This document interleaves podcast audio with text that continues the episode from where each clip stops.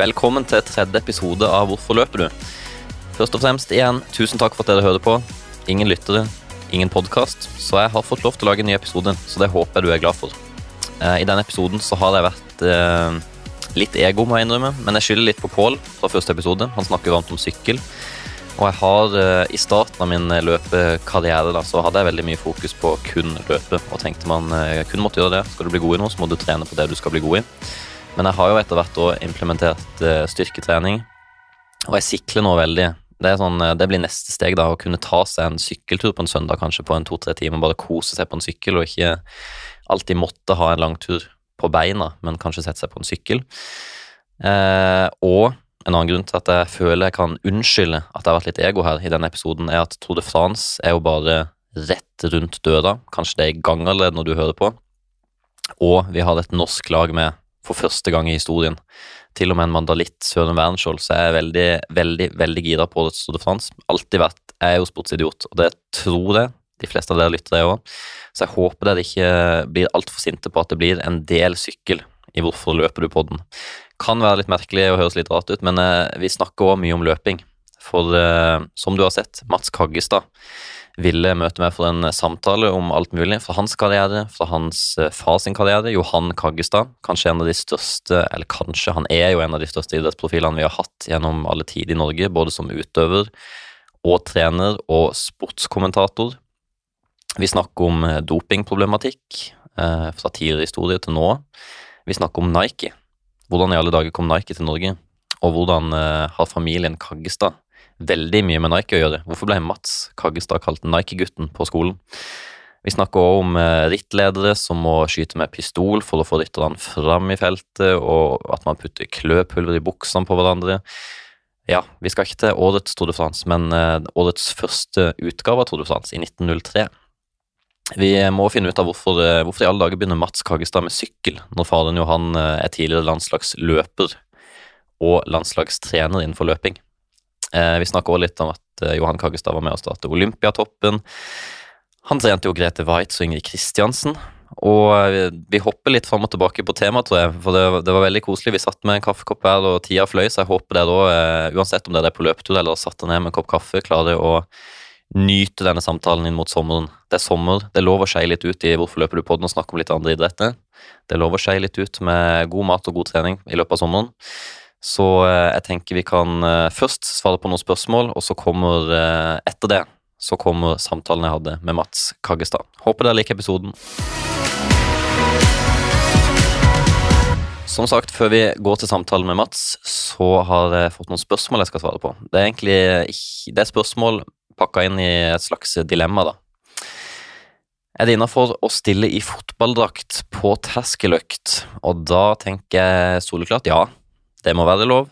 Om du har Det kan være eh, Kanskje ikke ishockeydrakt, de er litt for baggy, men uh, en basketballdrakt Det er jo gjerne som i singlet, så det må være digg. Ta en uh, Michael Jordan-drakt, for eksempel, eller en uh, Du kan fint ta, ta en fotballdrakt. Det er jo bare kult, det, tenker jeg. Neste spørsmål. hvis du skulle bli sponsa av ett merke, hvilke skulle det vært? Og det er vanskelig, det. Det hadde jeg faktisk tenkt litt på. Men jeg har vært litt det er litt skummelt å låse etter et merke, men nå har jo heldigvis alle merker gode sko, da. Men eh, ja, med tanke på hva vi skal snakke om litt seinere, så får jeg ta det kjedelige, safe svaret og si eh, Nike, da. Nike. Hvor varmt må det være før intervall ute blir til mølleintervall?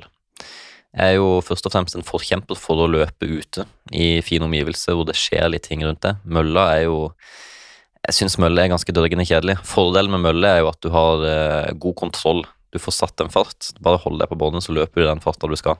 Så det er jo veldig sånn fint, særlig i starten. Da husker jeg jeg var veldig glad i mølle. For da var det kontrollert, jeg hadde full kontroll. Starta ikke for hardt. Så jeg skal ikke snakke ned mølla for mye. Men jeg syns bare når man først har lært seg å løpe litt på feeling, så er jeg vel, blitt veldig glad i å løpe ute. Så jeg gjør det skal vi si til og med 27-28 pluss i solsteik. Blir det varmere enn det, så går jeg inn på mølla. Topp tre verste pre-run slash race-måltidopplevelser. Uh, jeg har bank i bordet, ikke noe særlig problem med magen før konkurranse enda, men uh, jeg har hatt noen dårlige opplevelser før trening. Særlig den ene som har brent seg fast i minnet. Det var rundt Det må ha vært rundt juletiden, da. Desember. Uh, og vi hadde sånne skumnisser liggende i en eske, og jeg tok en fem, seks, syv, åtte, litt for mange, og dro ut på langtur. Og da kom det sånne mageri hvor jeg måtte på do, som kom og gikk. Og de siste 500 meterne så måtte jeg gå, og jeg vurderte å kikke litt etter busker og diverse og kunne sette meg ned i. Uh, og jo, en gang på en lang tur inn mot maraton så ble jeg også dårlig i magen. Da hadde jeg også spist smågodt, faktisk. Litt sånn gummi. Jeg er jo egentlig glad i å ha sjokoladesmågodt. Spragleknas, eh, Nidal-familien, eller Stratos-dyr, som jeg kaller de. Eh, sånn Crispo, eh, de firkanta. Eh, det er sånn trygg, trygt smågodt som magen min tåler. Men hvis det blir litt sånn der eh, gelatin Nei, sånn eh, geléaktig, med sånn mye farge og sånn, da, da, blir jeg dårlig. Så da måtte jeg faktisk finne en busk og sette meg på huk. Så jeg har da, det er de to verste som jeg har hatt. Siste spørsmål. Vinne VM eller OL-gull, og hvilken distanse? Da må jeg jo svare klinkende klart OL-gull.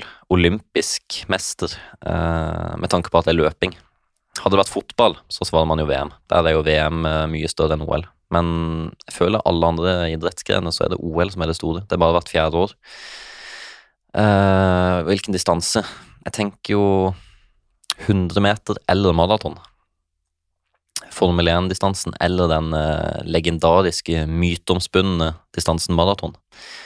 Men uh, ja, la oss si at uh, de fleste blir syke, man må ringe nødlandslaget, de svarer ikke. Man må ringe reservelandslaget, de svarer ikke. Så bare finner de meg på Instagram og ringer meg, og så er jeg den eneste som stiller, fordi alle andre blir dårlige på utøverhotellet. Og jeg kom ned i siste liten, løper Paris Paraton på Jeg breaker 2.30, 2.29,59 og blir olympisk mester.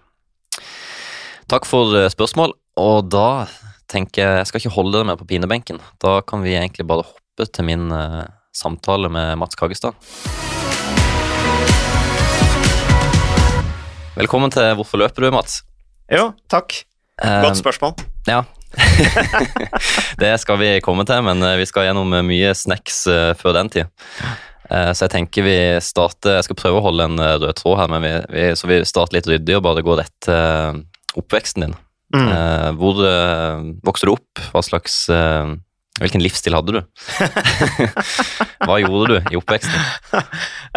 nei, for jeg og Foreldrene mine og, og søsteren mine er for så vidt fra Oslo. de ja. flytta fra Oslo til, til Vikersund på en mm. familiegård som fatter'n arva av en onkel. Ja. vi var en veldig sånn barn, Kaggestad barnløs familie, så sånn sett så arva han jo da en onkel. Og så ja og så Det var i 77, det året jeg ble født, og da, så jeg er jo vokst opp på landet. Mm. Uh, rett i nærheten av Modum Bad Narresantorum, som jo er en av landets største psykiatriske institusjoner, hvor mutter'n fatter'n jobba. Mm. Uh, og var jo vant til å bevege meg over store områder. Uh, Eh, fordi at jeg måtte jo rundt og finne kamerater og sånn. Mm. Eh, så kroppen som transportmiddel var jo liksom Det har jeg med meg fra fra barndommen av. Jeg ble jo ikke kjørt noe sted. Det var ikke på Nei. den tida hvor man kjørte barna rundt. Og, mm.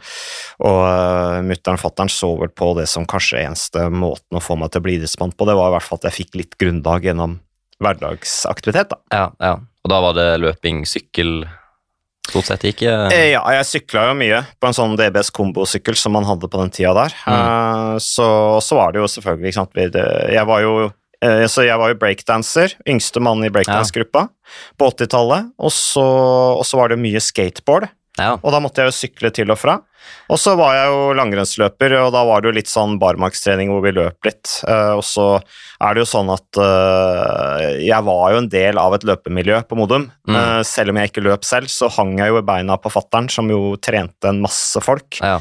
Eh, alt fra pasienter på Modum Bad med psykiske lidelser til, til langrennsmiljø og frihetsmiljø på Modum, mm. hvor det var et kjempemiljø, og så var han landslagstrener, ikke sant. Så mm.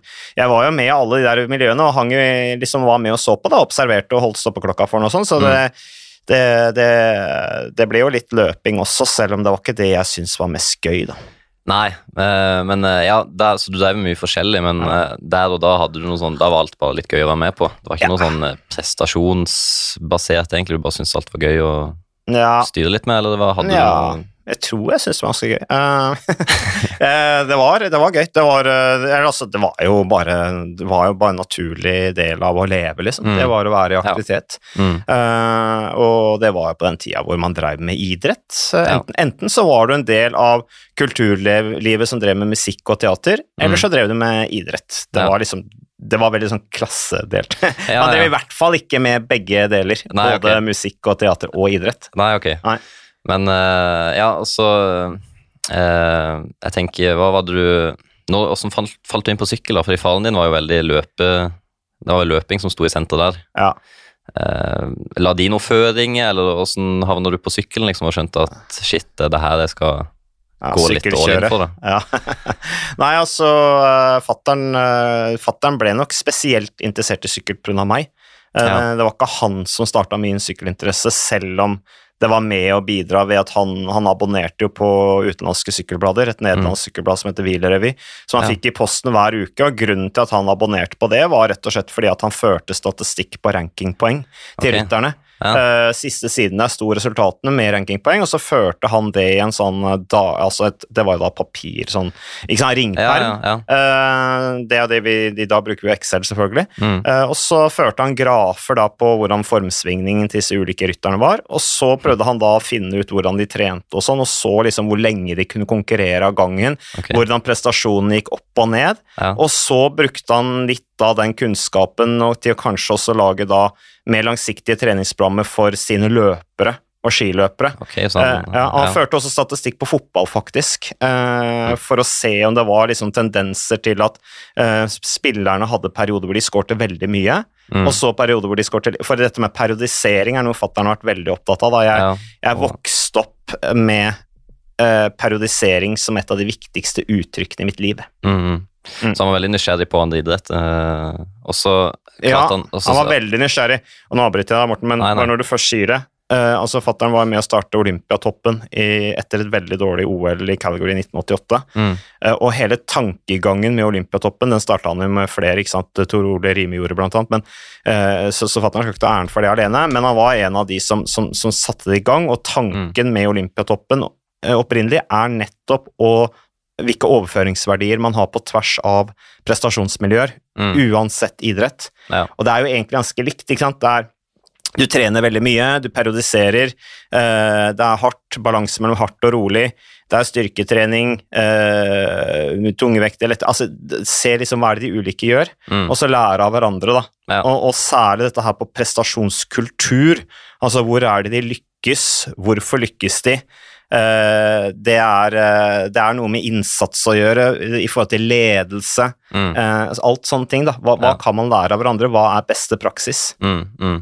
Ja, vi kan jo kanskje begynne med faren din. Jeg vet ikke om du Har vært på, har du hatt mange intervjuer uten at han blir nevnt? Han er jo en uh, legende i uh, ja, norsk sammenheng. Han kunne jo fort vært i kalenderen på uh, fødselsdatoen. liksom, ja. Han Kaggestads bursdag. Han er jo ridder av den orden. Hva heter den igjen? Han er, Jeg husker ikke helt hva ordren Nei, heter, nøyaktig nå, men han fikk jo riddertittel av det franske kulturdepartementet ja, for, for, måten han har videre, altså formidlet uh, kunnskapen om uh, fransk kultur og geografi i, mm. i Norge. Ja. Mm. Han har kommentert Tour de France i 20 år, uh, cirka? Ja, ja. sånn cirka. Starta vel i 1998 Nei, 19, nei 2000 var det vel han starta, tror jeg. Mm. Så det, det, har gått slag i slag siden. Så, mm. Men som alle nå vet, så har han jo blitt ganske dårlig og er jo på sykehjem, men, eh, mm. men, jeg besøker han en gang i uka. Han er jo fremdeles veldig opptatt av idrett. og ja. Vi har nå vært litt i Oslo og sett på mine barn spille fotball, blant annet. han, mm. Det var ganske interessant når han var, han var på Røabanen for en ukes tid tilbake, og så datteren min spiller fotball. Hun er tolv mm. år. Sitter han og ser, altså Mange oppfatter kanskje at han ikke er så med som han var, men, men, for han snakker ikke like mye som han gjorde før, men han, han, han får med seg alt som skjer rundt ham. Ja. Uh, og, og, så husker jeg når en kamp var over, så sa han ja, dette var veldig bra, gøy at de vant, men du må, du må, ta, en, uh, du må ta en gjennomgang av Natalia på løpeteknikken. Hun, ja. løper, litt, hun løper litt urasjonelt, sa han. Alle 20, Han er trener fortsatt 24-7, eh, ja. nysgjerrig og følger med. Og, ja, Litt høye skuldre, sa han. Litt gamp i steget. Ja, ok. Ja. altså, han er jo mest kjent for, iallfall blant den yngre generasjonen, som stemmen til Tode da, sammen med Christian Påske. Mm. Eh, men man glemmer jo kanskje litt at han var jo en eh, vanvittig god løper. Ja. Han var jo innom landslaget på 70-tallet eh, i konkurranse med Kvalheim-brødrene og Per Halle. og Mm. har vel, Jeg, jeg researcha litt, han løp 13,56 tror jeg på 5000. Ja. Og 10 000 på 29,30 eller noe sånt. Det husker du helt sikkert bedre enn meg, Mort, for jeg er Ja. veldig dårlig på å huske tider. Ja, okay. Jeg har aldri forholdt vært- meg til det som syklist, ikke sant? Nei, ok. Nei, Nei. Jeg har alltid vært litt interessert i tall. Husker da jeg var Mm. liten og så uh, særlig skiflyvning. Når de bikka 200 meter, hadde jeg notert noterte lengde Ja. gjennom uh, konkurransene. Du er også sånn systemfrik, ja. Ja, men jeg Mm. brukte det ikke til noe nyttig, sånn som Johan gjorde. Nei. Jeg så ikke etter noen sammenheng eller noe sånt. Jeg syntes bare det var gøy å notere tall og se lengde og mm. se om noen kunne sette verdensrekord. Mhm. Men uh, ja, hva var det egentlig jeg skulle her nå, husker du det? Ja, du snakket om tidene til fattern på Ja, fem ja, man glemmer litt eh, at han uh, har jo vært en stor idrettsutøver da. Ja. Uh, man tenker at han bare er en bade, det er jo ikke bare det heller, en sykkelkommentator, men han har jo vært en god idrettsutøver da. Spilt fotball, Uh, NM-finale tror jeg for eh, junior på Lyn. Ja, stemmer. Eh, rakk vel også noen A-lagskamper. Mm. Ja, det gjorde han ikke. Det, har, Ja, det er mulig på juniorsida i så fall, men, Ja, okay. men eh, også var han jo innom eh, Så han var jo topp ti i junior-NM i langrenn, eh, Ja, samtidig det var- som han var sant, veldig god løper. Ja. Eh, så, så det var jo den tida der de, de drev med alt. Han vokste jo opp i Kirkeveien i Oslo sentrum Mm. eh, og, og holdt på sant, bak ved Marienlyst der på, på Mm. stadion der, og alle løp, alle gikk på ski, eh, Ja. alle spilte fotball. mm, Eh, Så, så da, da, ble det klart en bredde, og ut av den bredden så var det alltid mange som ble gode. Altså, de, Mm. de trente jo så mye, ikke sant? fordi Ja. de, det var bare det de gjorde. I gamle sko. Nå er vi litt mer bortskjemte med Vi kan jo tillate oss å løpe mer enn vi kunne før. Man hadde jo ikke samme type teknologien i sko som da. Nei. Så, eh, men eh, ja, så det var vel egentlig derfor at han havna, han havna jo først i løpemiljøet da, som trener i ettertid, etter sin egen idrettskarriere. Mm. Eh, og trente da Grete Waitz, Ingrid Kristiansen. Tok som trener 13 OL, VM og EM-gull. Mm. Nei, medalje. tror jeg. Mm. Mm. Så ja, å bli født inn i en sånn familie, det, da blir man jo automatisk litt sånn Ja. aktiv, da. Ja. Men, eh, men ja, det var sykkel. abonnement på sykkelmagasin. Ja, det var eh, du- det, det som starta interessen min, da. Eh, Ja. Og det var fatter'n som abonnerte på det, som sagt, og jeg har fortalt historien nå. Og i tillegg så, så fikk han også Kjøpte han alle han fikk Hvert år så fikk han opptak av Tour de France, Ja. eh, som han kjøpte fra Nederland eller et eller annet, eh, med hver etappe. Mm. Eh, og jeg pløyde gjennom alle de Tour de France-ene da i, i den spede sykkelinteresse, altså begynnelsen på, på når jeg ble interessert i sykkel. Så, Mm. så, så jeg har sett alle Tour de France siden 1980, um, og jeg så veldig mange av de samme fatterne sånn på kveldstid når vi liksom skulle slappe av og kose oss litt da, Mm. og drikke kakao og sånn. Så det, um, det da, da, da sa jeg til fatter'n at uh, Og jeg sykla mye rundt i bygda, ikke sant, Mm. på å finne skateboardlokasjoner og treffe gutta og sånn, så, så da når jeg begynte å visualisere at jeg selv var syklist, Mm. um, og at jeg sykla Tour de France, Mm. da, og, da, og sa til fatter'n at jeg har så lyst på en racersykkel, så var fatter'n ganske kjapp med å skaffe meg det. Ja. For han var nok litt sånn bekymra for at jeg skulle bli idrettsutøver, i og med at jeg hang i liksom breakdance og skateboardmiljø. Det var ikke noe gærent med det, men det var jo litt sånn at man Ikke at jeg gjorde det, men det var litt sånn at man røyka litt Mm. og, og sånn. Så, og da, da tror jeg fatter'n var ganske glad for det, og når jeg fikk Mm. den racersykkelen, så var det jo, det var jo da, da ville jeg bare sykle hele tiden. Mm. Eh, og den der frihetsfølelsen av å kunne sette seg på sykkelen som tolvåring i Vikersund, eller tre kilometer utenfor Vi- Vikersund på gården jeg vokste opp, og sykle til Norefjell, som jeg kunne se i det fjerne. Mm. Jeg veit ikke hvor mange timer jeg holdt på, men da var jeg sikkert borte sikkert hele dagen. Ja. Uh, uten at mutter'n og fatter'n bekymra seg så veldig over det. For vi hadde jo ikke mobiltelefon og sånn. Men det var liksom, sant, hver dag var en oppdagelsesferd, da. Ja. Um, så så det, det, det fascinerte meg veldig med sykkel. Uh, og så ble jeg, var jeg litt uh, heldig. Det var ikke noe sykkelklubb i Modum på den tida der, så fattern visste at det var et bra sykkelmiljø i Ringerike. Mm. Og så han ringte til Birger Hungeroth, som han visste hvem var, kjente litt, uh, som jo er nestor i, i norsk sykkelsport. Mm. Uh, og han hadde bygga et miljø annet med Gabriel Rask, som var på den første treninga jeg var på som tolvåring. Og da, da vi fulgte hverandre, vi gutta, i det, fra det miljøet fra første dag langt opp i senior. Mm. Ble jo utrolig gode venner. Ja. Trente veldig mye sammen, hadde en veldig sterk treningskultur. Og Tor Hushovd flytta jo også til Hønefoss i 1998, um, før han ble verdensmester i U23, for å være del av det treningsmiljøet. da, Hvor vi Ja. blant annet gikk veldig mye på ski uh, Ja. fra Ringkollen inn i Nordmarka. Uh, kanskje tre-fire timer, slappe av litt, spist Mm. litt. Så hadde en time på å rulle, så en time styrketrening. Mm. Det Var, det noe, var det noe løping da, eller var det minimalt? Ja, det var med, jeg løp, men de Ja. andre gutta ville ikke løpe, fordi Nei. Birger Hornholt mente at det var det verste vi kunne gjøre for sykkelkarriere. Ja, okay. det har jo endra seg litt, da. Ja, det har jo, ja, endret seg en del, det. Mm. uh, ja, hvilken klubb var det dere sykla for da? Hva heter den? Unnskyld. Nei, beklager. Jeg fikk, jeg fikk kaffen i halsen, men ja, vi uh, Det var Ringerike sykkelklubb ja, um, som, var, eh, som var det beste miljøet ja. På den tida der. Eh, kan, så, eh, så, eh, så det var det var stedet å være, egentlig. ja. Hønefoss var, var sykkel veldig populært fordi at du hadde Ringerike Grand Prix, som var sånn Mm. klassisk sykkelløp, Ja. som, som ble starta av, av Birger Ungrolt. Mm. Og det gikk opp denne ripebakken, som liksom er det nærmeste vi kommer, en sånn belgisk brosteinsbakke. Mm. Er Litt den er klassikerfølelsen. eh, Ikke sant? Det er, ja. ikke, det er ikke brostein, men det er krappsving 90 grader rett Mm. opp, eh, ikke sant? 20% stigning inne i byen. mm, En fantastisk ramme og veldig sånn lett å tiltrekke mye folk, da. ja. Eh, og det, det var jo lenge liksom mest klassisk, ja, Det er jo kanskje mest klassiske bakken i, i norsk sykkelsport. Da. Hvert år så går jo Ringerike Grand Prix, Mm. uh, og, og tiltrekker seg liksom mange fra Hønefoss som liksom Det er sånn Man drar alltid og ser på Ringerike Grand Prix, da. ja.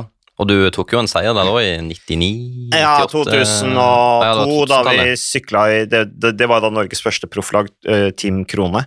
Kronegruppen, som for Mm. øvrig var et regnskapsselskap eid av Finance Credit. Og de som husker så langt, de husker kanskje Finance Credit som liksom den første virkelig store finansskandalen i Norge, hvor det ble blåst av godt over en million på kreativ bokføring og store okay. lån. Eh, så de penga forsvant jo da etter ett år. Ja. Eh, Men da hadde jeg signert kontrakt med Crédit Agricole, fordi Thor ville ha en nordmann, og vi hadde jo også vært i, i ett år i, i Paris og sykla for et uh, fransk lag der som heter Athletic Club Boulogne-Billancourt. Veldig lange tradisjoner, har blant annet hatt Jack ikke som vant Tour de France fem ganger, Sean Kelly Ja. Masse, masse nordmenn har vært innom det laget så De har Ja. tradisjoner for å hente inn utlendinger, og det sa de rett ut. Utlendinger er mye mer sultne, de er mye flinkere til å jobbe sammen, og da lærer de opp de franske gutta. Mm. Uh, så, så, så, det, og så da kom jo Crédit Agricole innom og liksom ble kjent med oss og sa at de ville signere en av oss, da så blei det jo til slutt meg, da. ja. Var det et nyoppstarta lag Crédit Agricole da dere kom, eller hadde de holdt på noen år? eh? Ja, de har lange tradisjoner. Ja. Crédit Agricole heter egentlig Velo Club de Paris eh, Ja. og stammer fra 80-tallet en gang. Eh, ble, Hadde sin første store sponsor, var Peugeot. Eh, Mm, ja. Og så ble det liksom eh, Var det vel en periode med Sett, som var Mm. barneklær. Eh, eller klesprodusent. og så, Det er og så vanskelig var det Gan, svært forsikringsselskap, og så Ja. og så videre. Da. Det er vanskelig å henge litt med, der sliter jeg litt sjøl. For jeg Ja. tenker jo hver gang jeg har sett et nytt navn, så er det en ny klubb, på en måte. Men Mm. det er jo gjerne samme laget. Det er bare en ny sponsor. Det er utfordring til sykkel litt òg, Ja. samtidig som det er på en måte en mulighet for sponsorene til å på en måte eie sykkellaget. da. Det er sant. Mm. Ja, men Credit Agricol som sponsor, de var kanskje ganske ferske.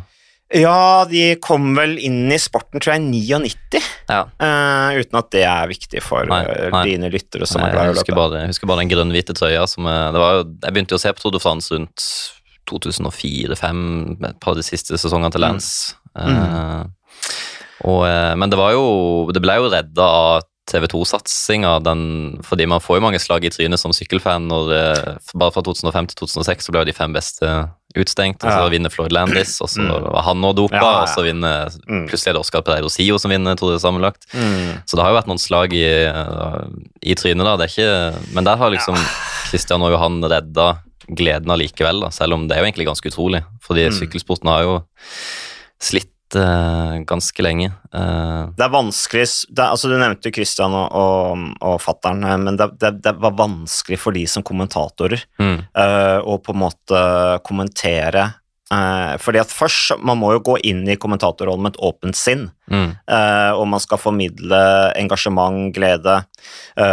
og man kan ikke sitte og, og, og anklage folk for noe basert på, på rykter Mm. og snakk. mm, Så det der er veldig vanskelig. ja. Uh, det var nok litt lettere før, uh, før sosiale medienes inntog, men, uh, men det er klart at eh, forfatteren og Christian sa jo det der, og alle andre sykkelkommentatorer også, så har det selvfølgelig vært skuffende, fordi når det gjelder Lance Armstrong, så var det en historie som var helt fantastisk inspirerende. Mm, Eh, Jeg merker, husker jo sjøl også, jeg leste boka hans i 2002, It's Not Only About the Bike, eller et eller annet, tror jeg den heter. mm, Veldig bra bok. Jeg kan nesten anbefale nå. Selv om jeg tror ikke det er noe bestselger lenger. Men, men, eh, det var det da, og, og jeg merker jo Da var jeg liksom godt i gang. Da var jeg 24 år gammel, og nei, mm. rett før jeg signerte prof, første proffkontrakten. Jeg ble kjempeinspirert av den boka. Mm. Jeg trodde jo veldig på han. Ja. Uh, selv om det var noe snakk så liksom tenkte jeg, sånn som alle andre tenker, liksom, han kan jo ikke holde på med det der når han har vært så syk, og, og det er klart at sykdommen har gjort ham veldig sterk mentalt, og det mm. gjorde jo sikkert òg, men, mm. men, uh, men, så, når jeg ble proff, så begynte liksom så ble det etter hvert så mye snakk i miljøet og hvisking mm. og tisking at du, du, du ja, ja, Det var to streker under svar for meg, da. Ja, Nå fikk du en sånn der uh, wake-up call. Husker du en sånn spesiell periode, eller bare var det litt sånn gradvis at du begynte å tenke at shit, her, uh, her blir det seigt å slå igjennom uten mm. å måtte ty til ulovlige midler, liksom? Uh, ja, jeg husker første liksom møte med, med Fattern snakka aldri om doping, om om at det kunne være doping i sykkelmiljøet um, til, til, meg uh, før jeg ble proff og sånn. Uh, men han snakket mye om doping i friidrettsmiljøet rundt middagsbordet. Mm. Da kom jo frustrasjonen hans fram, ikke sant. Mm. Men, men jeg husker når jeg på en måte første gang jeg hørte om doping i sykkelsporten, det var da jeg var på treningssamling med Bjørgvin som jo da var laget til Kurt Arsle Arvesen, mm. Bjørn Stenersen, som hadde vært utenlandsproff, Bo André Namtet, som hadde vært utenlandsproff, Lars Kristian Johnsen, som også kom fra utlandet. De tre gutta kom fra profflivet. Mm. Fullstendig desillusjonerte. Ja. Uh, kjempetalenter. En utrolig gode rytter. Bjørn Stenersen var fantastisk. Bo André Namtet var også utrolig god. Ble seks blant annet i San, Classica San Sebastian, som er kjempestor ritt. Mm. Uh, og Lars Christian Johnsen vant Østerrike rundt seg, men så kom de ut i profflivet, og så bare skjønte jeg at uh, her var det enten-eller. Mm. Uh, og, og, og, så var jeg da først og senior på treningssamling Bjørgvin i, i, på, på Gran Canaria. Jeg fikk være med som gjest, på en måte. Mm. Jeg ville være, liksom lære av de og trene med de. Uh, men, men, da var det liksom sånn eh, Jeg var liksom Å ja, de og de er jo så gode, og de trener så og så mye. Og så husker jeg Bo André Namte sa ja, men du må huske på at det er mye annet de gjør også, ja, okay. som, uh, som, som, er årsaken til at de er så gode som de er, som ja. ikke er lov. Ja, ok. Mm. Ja. og så hadde jo alltid vært sånn, Særlig da jeg var liten, så så jeg jo veldig svart-hvitt på doping. Mm. men det kan jo være litt diffust òg, fordi jeg tidlig i sykkelens historie så har man jo brukt eh, alkohol. For, eksempel, for å mm. døyve smerte, og man har jo brukt mye forskjellige Så jeg vet ikke om du har noe kunnskap på når doping liksom på en måte ble regulert. For det er jo en veldig sånn Man tar jo koffein, det er jo på en måte doping, det òg. Det mm. døyver jo litt smerte, det òg. Ja. Men det er jo det å klare å skille på ren, skjær, nå skal jeg jukse, dopere kontra de som kanskje balanserer litt på en grense med noen type stoff. Eh. Mm. Jeg har skjønt at doping er veldig avansert. Jeg har sett litt dokumentarer, og sånn, og det er ikke alltid det er så svart-hvitt. Så det er jo veldig vanskelig for oss publikummere òg. Jeg husker særlig Contador-saken. Som ble blåst veldig opp i norsk media. Contador mm. tatt for doping. Punktum. Mm. Eh, men han ble jo likevel hylla hjemme i Spania, og det husker jeg stussa litt på. Men sett i ettertid så fikk jeg jo høre at de mengdene tilsvarer ikke noe prestasjonsfremmede effekt. Det er bare stoffet som er Så det er jo veldig sånn Ja da, det. og akkurat når det gjelder Contador-saken, så, så uh, han ble jo trodd av, uh, av antidopingmyndighetene, mm. uh, og derfor så fikk han bare to år. Ja. Ikke sant? Den er veldig lik Johaug-saken. Ja. Mm. Uh, altså Hadde han ikke blitt trodd, så hadde han sannsynligvis fått enda strengere straff. Så han mm. ble trodd på at han hadde fått i seg da det steroidet gjennom eh, forurenset eller, ja, det, det, var hans forklaring. Altså, forklaringen var at sykkelpresidenten i det spanske sykkelforbundet hadde kjøpt en biff til han i Irun i Baskeland, som er en grenseby med, med Frankrike. Mm. På vei til Frank Tour de France for å besøke Contador, mm. så hadde han da kjøpt med seg en skikkelig baskisk biff ja. for å glede Contador da, ja. uh, i hans kamp for den gule trøya. Ja, for dette var under Tour de France mellom noen etapper så ja.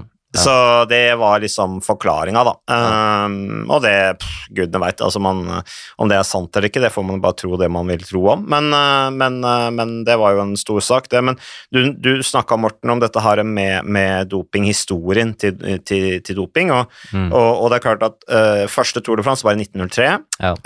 og det var en kjempekommersiell suksess mm. for da avisen, Velo eller hva det het, som, som startet Tour de France nettopp for å skape en historie som de kunne selge. Ja, Målet var jo å selge aviser. Ja, sant. Det var en avis som sleit litt i motbakke, og som solgte altfor lite aviser, så de måtte eh, gjøre et PR-stunt, rett og slett. Var Ja. ikke litt sånn? Jo, Ja. og så var det jo én avis ikke sant? Var, eh, Den ble jo delt igjen, for det var en avis som støttet på en måte var støttet uh, tyskerne og ikke, det var masse Ja, historier, jeg skal ikke ta mm, hele men, men, men, eh, men poenget var det at 1904, det andre Tour de France, Mm. det var, da var det så mye juks Ja. at rittet holdt på å bli lagt ned på en måte allerede i den spede begynnelsen. Og, da, Mm. og, og, og det var jo ikke doping de juksa med.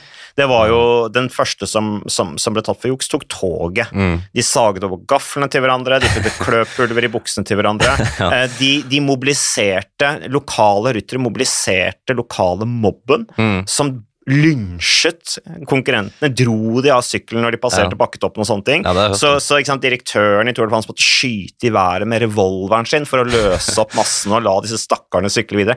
Ja. Det, de lå på det nivået der. Mm. Eh, og, og, og vi må huske på at årets Tour de France er sånn ca. litt i underkant av 3500 km. Mm.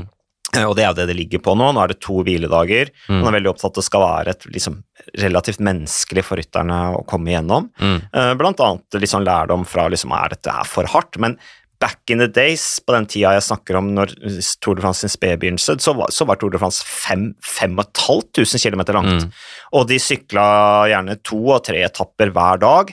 De var så lange etapper at de måtte starte på natten. Mm. To-tre om morgenen. Mm. Og så var det sånne idiotiske regler at hvis du starter med regnjakke om natten, når det er litt kjølig, og det kanskje regner, så har du ikke lov til å ta av deg regnjakka. hvis det da utpå dagen når det lysner opp, liksom, og det plutselig blir 30 grader. Ja. Uh, og det var ikke lov å motta noe hjelp, uh, det var ikke lov å samarbeide. Ja, for da kom de jo med slangen rundt, uh, rundt kroppen, og, ja. Ja. og så var det, vel, det er kanskje sånn fransk etikette, da, at du skal fullføre og starte og fullføre med samme plagg, eller noe sånt, at det er noe sånn, ja, greit. Helt idiotisk. Men ja, vi mennesker har jo alltid prøvd å ta snarveier og se om vi kan gjøre ting bedre, så det, er vel, det ligger litt sånn i oss, da. Eh, Ja, og så var det jo liksom Målet til arrangørene var jo egentlig at bare én rytter skulle klare å fullføre. Okay. Jeg tror det nærmeste de kom, var 19 ryttere. Ja. Det var vel eh, året etter første verdenskrig, som var helt sånn forferdelig brutalt sykkelløp. Ja. Uh, og det var liksom den optimale historien, var bare at denne ene liksom overlevende, da, i gåsetegn, skulle Mm. klare å komme til mål. ja, det skulle så, være litt sånn ja, det- last man standing Ja, ja, ja. Survival, ikke sant? Mm. Uh, men, men, men, og arrangørene oppfordret jo rytterne til å dope seg. Eh, Ja. så for det, og dette her var gjerne soldater ikke sant, som kom fra Mm. skyttergravene og hadde lært mye triks der om hvordan de skulle holde seg våken i Mm, dag etter mm. dag for å overleve. Så de brukte jo de samme triksa når de skulle sykle Tour de France. Mm. Uh, og det var jo ikke før uh, når du snakker om, du spurte om historien på liksom når de begynte å regulere, det var jo først i, i 19, jeg tror det var 67 eller 68, jeg husker ikke nøyaktig, når Tom Simpson, briten, døde opp Mont Ventoux. Ja. Og de Mm. antok at det var pga. Av mye steru, altså bruk av, av amfetamin. Mm. I tillegg så drakk han jo konjakk, Ja. og det var liksom 40 varmegrader og hjertet stoppa. Dårlig kombo. Ja. Dårlig kombo. Mm. Så, så det, men, men da ble det jo litt sånn testing og sånne ting, men det var jo frivillig å teste seg. Mm. De som lot seg teste, ble gjerne mobba. Uh, og, og, og, men sant, sånn i en historisk sammenheng så har egentlig kampen mot doping jo, ak- er jo helt fersk. Mm. Eh, Så, så det er jo ikke så rart at det, det er noen setbacks på veien. Nei, og det er jo et konstant kappløp mellom eh, utøvere som prøver å finne nye metoder som ikke kan eh, oppdages, og det krever mye ressurser å teste hele tida, det ja, så Det det er er kjempedyrt. Systemet er egentlig eh, Altså, vi kommer til å le av det antidopingsystemet vi har nå om Mm. 40, 40 år, ikke sant? Ja, de kommer nok til å sitte og le om oss, da, som vi nå ler av 1903-utgaven av Tour de France. Det blir sikkert Ja. litt samme opplegget videre. Mm. Eh, men ja, du kom kommer til Credit Agricole i 2003, Mm. ja, og sykle der fram til og med 2007. Ja, det er Ja. riktig. Mm, nok til at jeg ble pensjonist. altså Du får pensjon av Det internasjonale sykkelforbundet hvis du har vært proff i mer enn fem år og passert 30 og ikke tatt i doping. Ok, Mm. ja. Så den gjelder fortsatt eh, den dagen? Ja, men, ja, men de kaller det pensjon, men det er, Ja. det er en engangssum da, basert på jeg tror det er noen pengepremier og litt sånn diverse altså du, det, Der skal sykkelsporten ha. De er utrolig gode på organisering. Så er det helt sikkert noe miksing og triksing i noen lag på hvordan de får det til og sånne ting. ikke sant? Men, men, eh, men i Frankrike i hvert fall veldig ordna forhold. Mm. Eh, lønna di, ikke sant? du betaler skatt som alle andre, gjør sånne ting. Og så er det noe, en viss sum av pengene eh, fra lagene og sånn som går rett i sånn kasse ikke sant? hvis rytterne skader seg eller mister kontroll, laget legges ned, eller Ja. eh, når, du, når du legger opp selv sånn at du har litt å, å, å rutte med, Ja. eh, du har kanskje litt penger til å studere og sånne ting, eh, så, så er eh, og, og også i forhold til antidopingarbeid som er kjempedyrt. altså Rytterne og lagene er jo med og betaler for det gjennom pengepremiene og, Mm.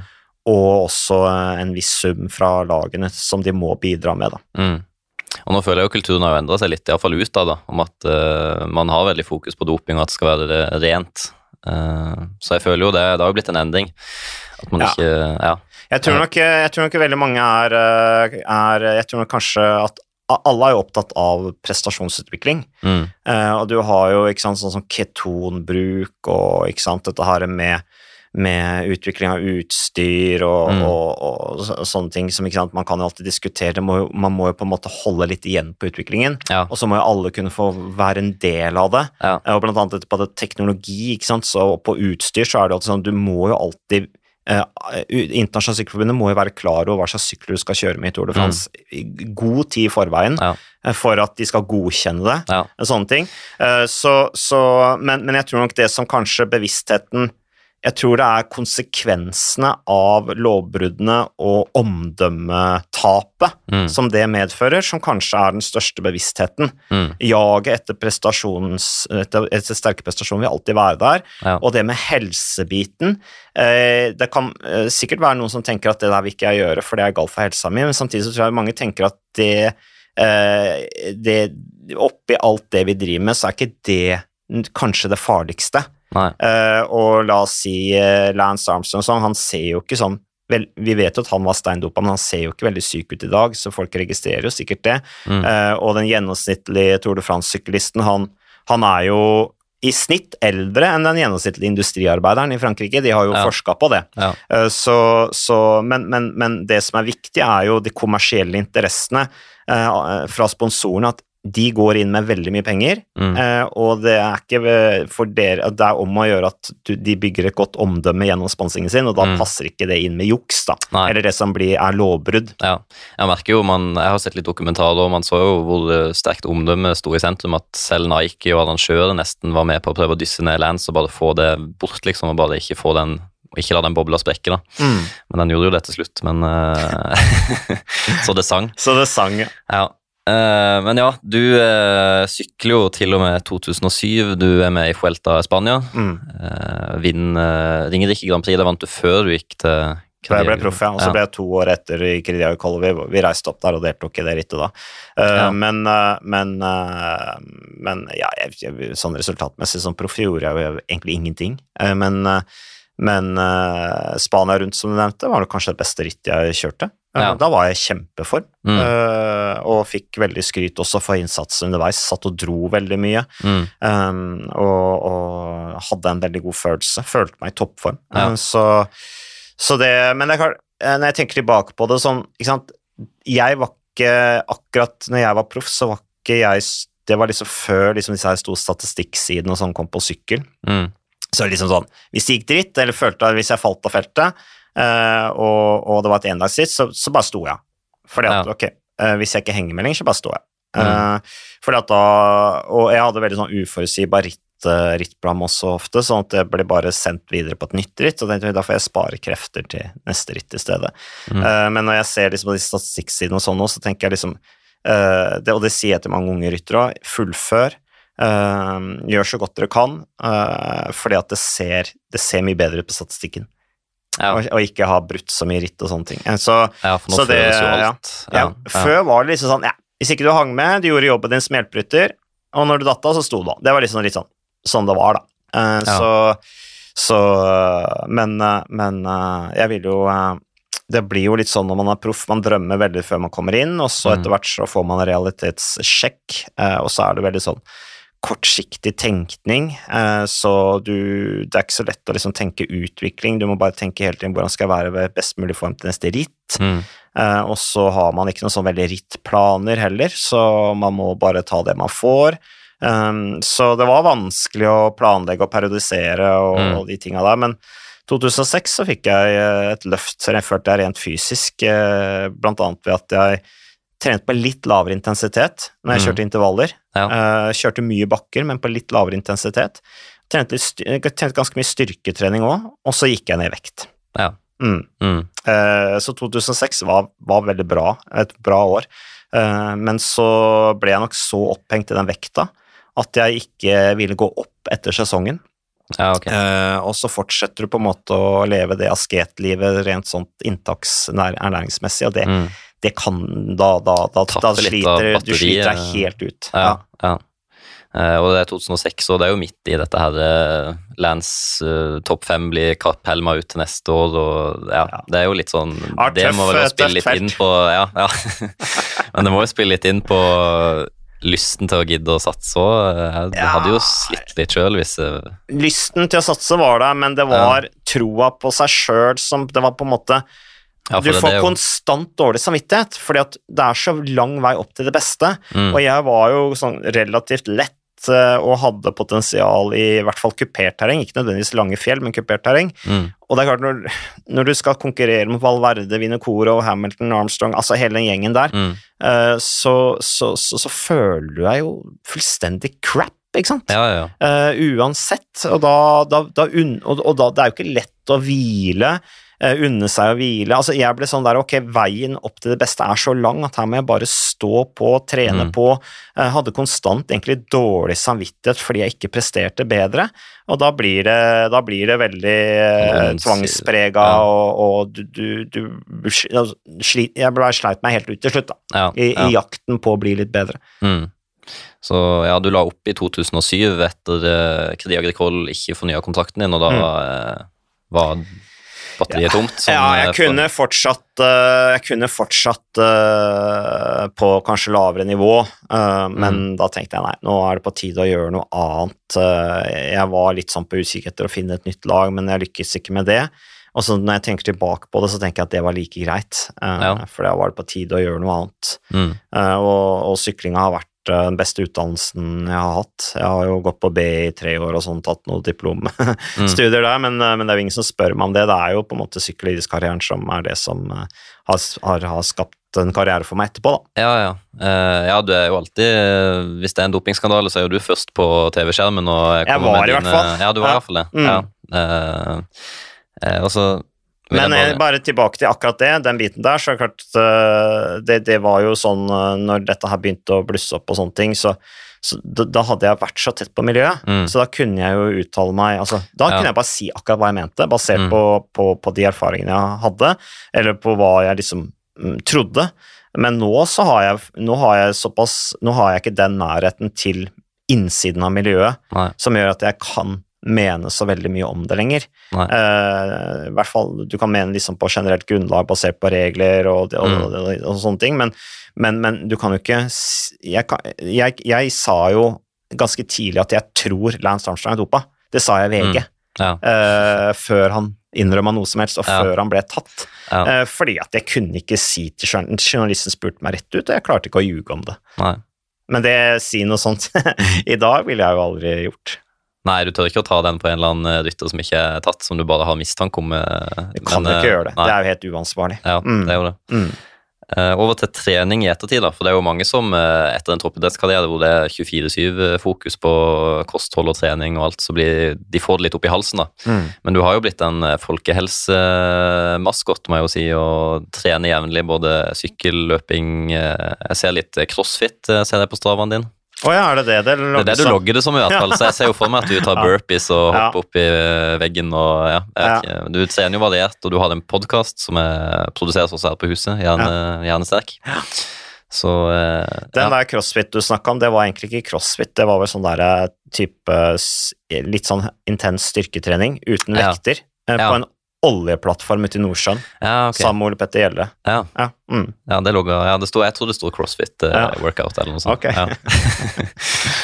Eh, men ja, du har holdt på treninga, du har den treningsgleden, den har du hatt siden du var liten, Uh, Mm. og det med løping til trening og breakdance og skating og sykkel og Ja, særlig, særlig etter uh, sykkelkarriere, så det, det er på en måte sånn prosjekt du har da, på deg sjøl Mm. når du er idrettsmann og trener, og du, du blir jo på en måte glad i å være ute og bevege deg Mm. i den formen.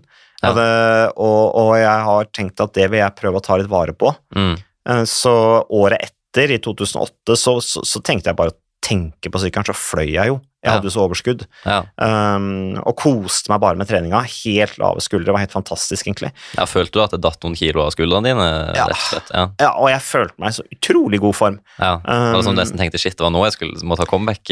Ja, og så tenkte jeg litt sånn, hvorfor hvilte jeg ikke mer Ja. når jeg, var, eh, når jeg satsa? Hvorfor, Ja, ok. hvorfor hadde jeg ikke den samme innstillingen til det når jeg var, eh, var syklist og Mm. satsa? Det tror jeg du har snakka litt om, at Tore Hushovd var generelt litt mer avslappa. Ja, han var helt oppgitt oppi til meg. Syns jeg var altfor uh, strebersk i, i jakten på liksom, timer i boka og, Mm. og optimalisere treninga. Eh, så han var mye kul. Liksom. Han dro ut og sykla uten, han hadde ikke engang klokke på armen, så han måtte Nei. hele tida spørre meg hvor lenge har vi vært ute. Ja. han skulle bare bort dit og tilbake fordi han trodde at det var sånn ca. fire timer. Ja. Uh, og så måtte jeg passe tida, da. Så, så, det, så det er noe med liksom Og i dagens verden òg, med alt det vi har av teknologi og måling og, og sånn, Mm. så tror jeg nok at, uh, at man skal være litt obs på det. At Mm. eh, du, du må ikke ha på deg den klokka hele tida, og det er lurt å kjenne litt på følelsen og kjenne, lære seg å kjenne sin egen kropp også. Mm. Og også kjenne litt på liksom, I dag er jeg faktisk sliten, i dag er Ja. jeg lei. Mm. Eh, og da tar jeg og kutter ned litt, eller tar meg under meg en hviledag. Det er Ja. ikke så dumt. Jeg vet ikke om det var Johan som sa det til Grete Waitz, eller om det var noe hun kom på, men at hun skulle løpe til en postkasse eller løpe i fem til ti minutter, og hvis hun fortsatt følte seg dårlig da, så da fikk hun lov til å snu og løpe hjem. Mm. Ja.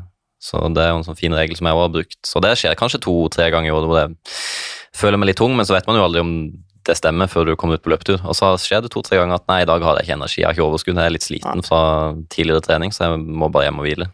Ja, altså Jeg trener en sånn eh, en crossfit, eller hun driver med sånn OCR, det var sånn obstacle course, eh, jeg husker ikke helt hva det står for, men hun var med i EM nå og ble fem der.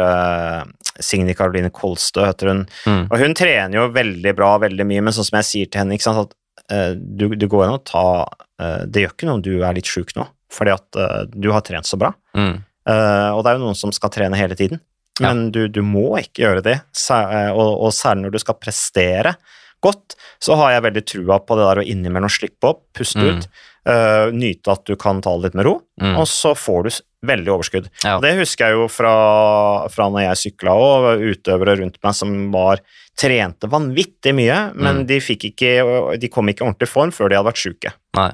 Nei, det skjedde faktisk litt for min del nå på nyåret. Før Barcelona halvmaraton så ble jeg syk en sånn tre-fire uker i forkant, og da tenkte jeg shit, da, det løper i vasken. Men så kom man litt i gang med trening rett før, og så stiller man på start og tenker ja, jeg skal iallfall gjennomføre. Men det ble jo pers med to minutter, og jeg hadde overskudd og følte meg kjempebra. Så det å få en sånn eh, Jeg, måtte, jeg ble jo tvungen til det, av egen kropp og sykdom. Mm. Men det er som du sier, å ta en liten pause inn i og ned og bare få lada opp. Ja. Uh, ikke konstant drive og pushe, pushe, pushe, Nei. men å ta en liten uh, hvil. Men, uh, men Ja, bare være rolig mentalt. Og liksom, Ja. ja. Sånn er det, liksom. ja, Bare ha litt senka skuldre. Mm. Jeg tror det er sånn som Tor Hushovd, han velger sine slag hvor han skal bruke energi, mens hvis man er på hele tida, så har man sånn små lekkasjer på batteriet hele tida, som Mm. tapper litt på sikt, tror jeg. Det er sjelden de som er best på trening, blir best, best i konkurranser, og så er det jo selvfølgelig er det jo nok av eksempler på at ikke sant, Sånn som la oss si Jonas Wingård nå, da, Mm. eh, eller Val van Ert. Mm. Eh, altså, hvor arbeidet de legger ned, er jo ingen tvil om at de jobber knallhardt, Mm. men de lar seg ikke veldig stresse av at det kommer noen små hinder underveis. Eh, og de er trygge på at det grunnlaget de har gjort, er veldig bra, og så Mm. justerer de litt Ja. når de må, da. Mm. Ja, og det å ikke prøve å ta igjen tapt trening, det tror jeg òg er viktig å ikke stresse med etter sykdom. Mm. At nå, oi, nå har jeg tapt masse, nå skal jeg ta igjen det tapte.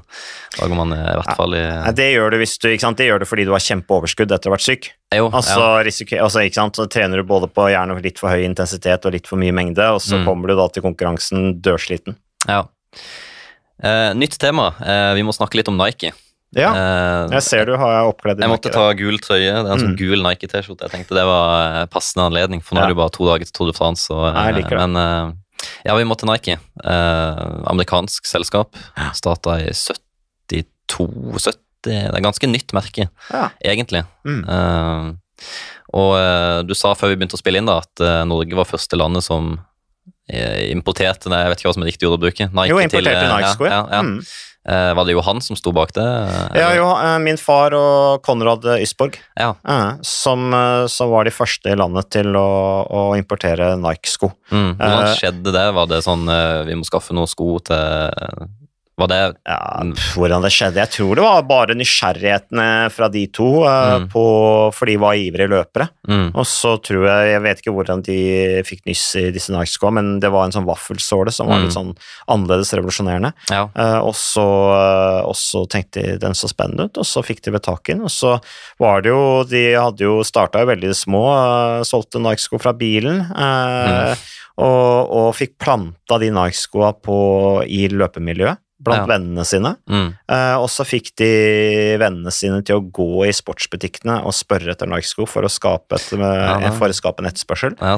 Det var markedsstrategien deres. De tok ikke ut noe lønn og sånne ting på mange år, for de hadde ikke penger til det. Og så Mm. husker jeg jo også at Nike-lageret var jo på gården i Vikersund. Ja. Det starta liksom på, på, på et av rommene i huset, og så ble det flytta ut i garasjen, og så ble det flytta inn i låven, eh, og det ble bare større og større eh, la, sant? Mer og mer kasse med sko, og vi pakka jo Mm. sko i familien.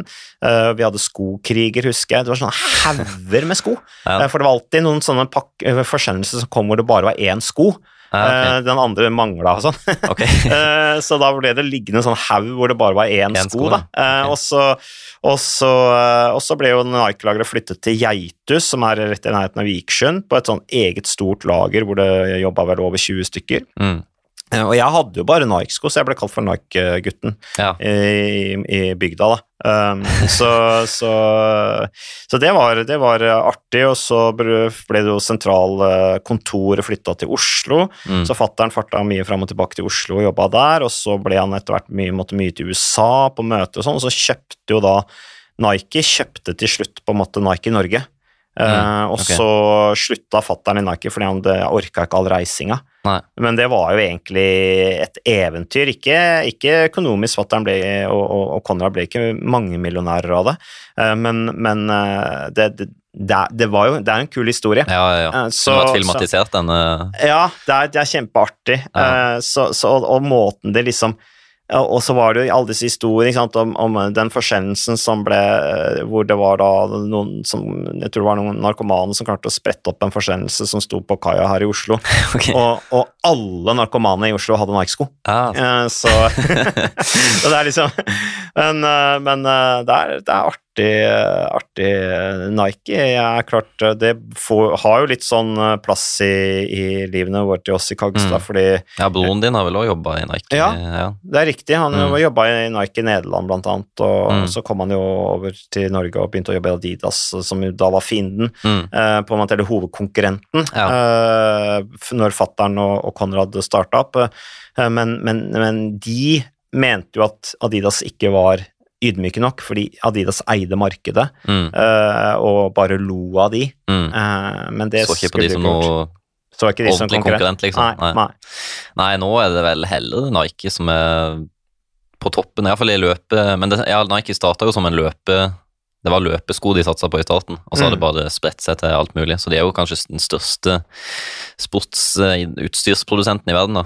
Foran, Ja. eh, vil jo sette de Folland Adidas og Puma og Det er jo nordmann som leder Adidas òg, Bjørn Gulden, som jo er Ja. tidligere Puma-sjef. Ja, så han er jo en av de store gutta i, i, i den internasjonale sportsbransjen, så, mm. så det er litt artig. Ja, absolutt. Eh, også, eh, du snakka litt om det med utstyr og sånn, og der har jo Nike vært i førersetet. Det var de som eh, var, lagde så gode sko til slutt at det ble jo litt regulert nå i 2017-2018, eller noe sånt, da de kom med denne Alfa Fly-skoen med karbonplate og det var 40 mm såle. Mm. Tilfeldigvis var vel det akkurat innenfor regelverket. Jeg vet ikke om de hadde noe eh, inside information der, men eh, det var jo litt Det ble, det ble jo regulert, for det ble jo snakk om at det ble eh, materialistisk doping, da. Ja, ja. Så, eh, Ja, det er litt sånn som vi snakka om i sykkel, men eh, Ja. du har kanskje den skoen sjøl? Ja, ja. Ja. Det var den jeg har maratonpersen i. Ja. Eh, Så jeg bruker den på maraton. Det er vel den skoen som har verdensrekorden på maraton med Eliud Kipchoge. Både offisielt og uoffisielt. Ja. Eh, Men nå har jo heldigvis, jeg syns jo det er bra, selv om du er Nike-fan, så syns jeg det er bra at de andre skoleverandørene har tatt igjen Ja. forspranget. Så nå kan Det man, gjør de jo eh, alltid. Ja, så nå kan man jo velge litt eh, det som passer sin fot. Det syns jeg er den største fordelen. Mm. For Nike sin eh, fot Eller form passer jo ikke alle folk. Nei. Så jeg, jeg syns det er litt ignorant. både Ja, nå er det fem, seks, syv, åtte skoleverandører som har gode sko. Mm. Men eh, ja, det er en interessant historie, den. Nike Ja, det var jo eh, Men jeg husker jo det særlig Air Jordan, ikke sant, med basketball, ja. og, og, det, var, det er jo bare en eventyrhistorie, det også. Og mm. så kom jo Lance Armstrong også, ikke sant? han ble også Nike-mann. Mm. Og jeg husker når jeg også ble proff, så ble jeg sponsa av Nike, fikk Nike-sko da, fordi at de ja. syntes det var gøy, ikke sant, Nike mm. Norge. Mm. Så, eh, og Uno X har jo også litt sånn forhold til Nike, for de Uh, de var veldig opptatt av den just do it, den historien, den offensiviteten. Mm. Uh, så alle i UnoX-kontoret husker jeg gikk med Nike-sko ja, før. Ja. Uh, og de hadde også en I oppstarten fra 2017 så hadde de også en, en Nike-avtale faktisk på fritidsklær. da, ja, okay. For grunn av på en måte den historien, da, som, som Fattern har også vært konsulent i, i UnoX en periode. Mm.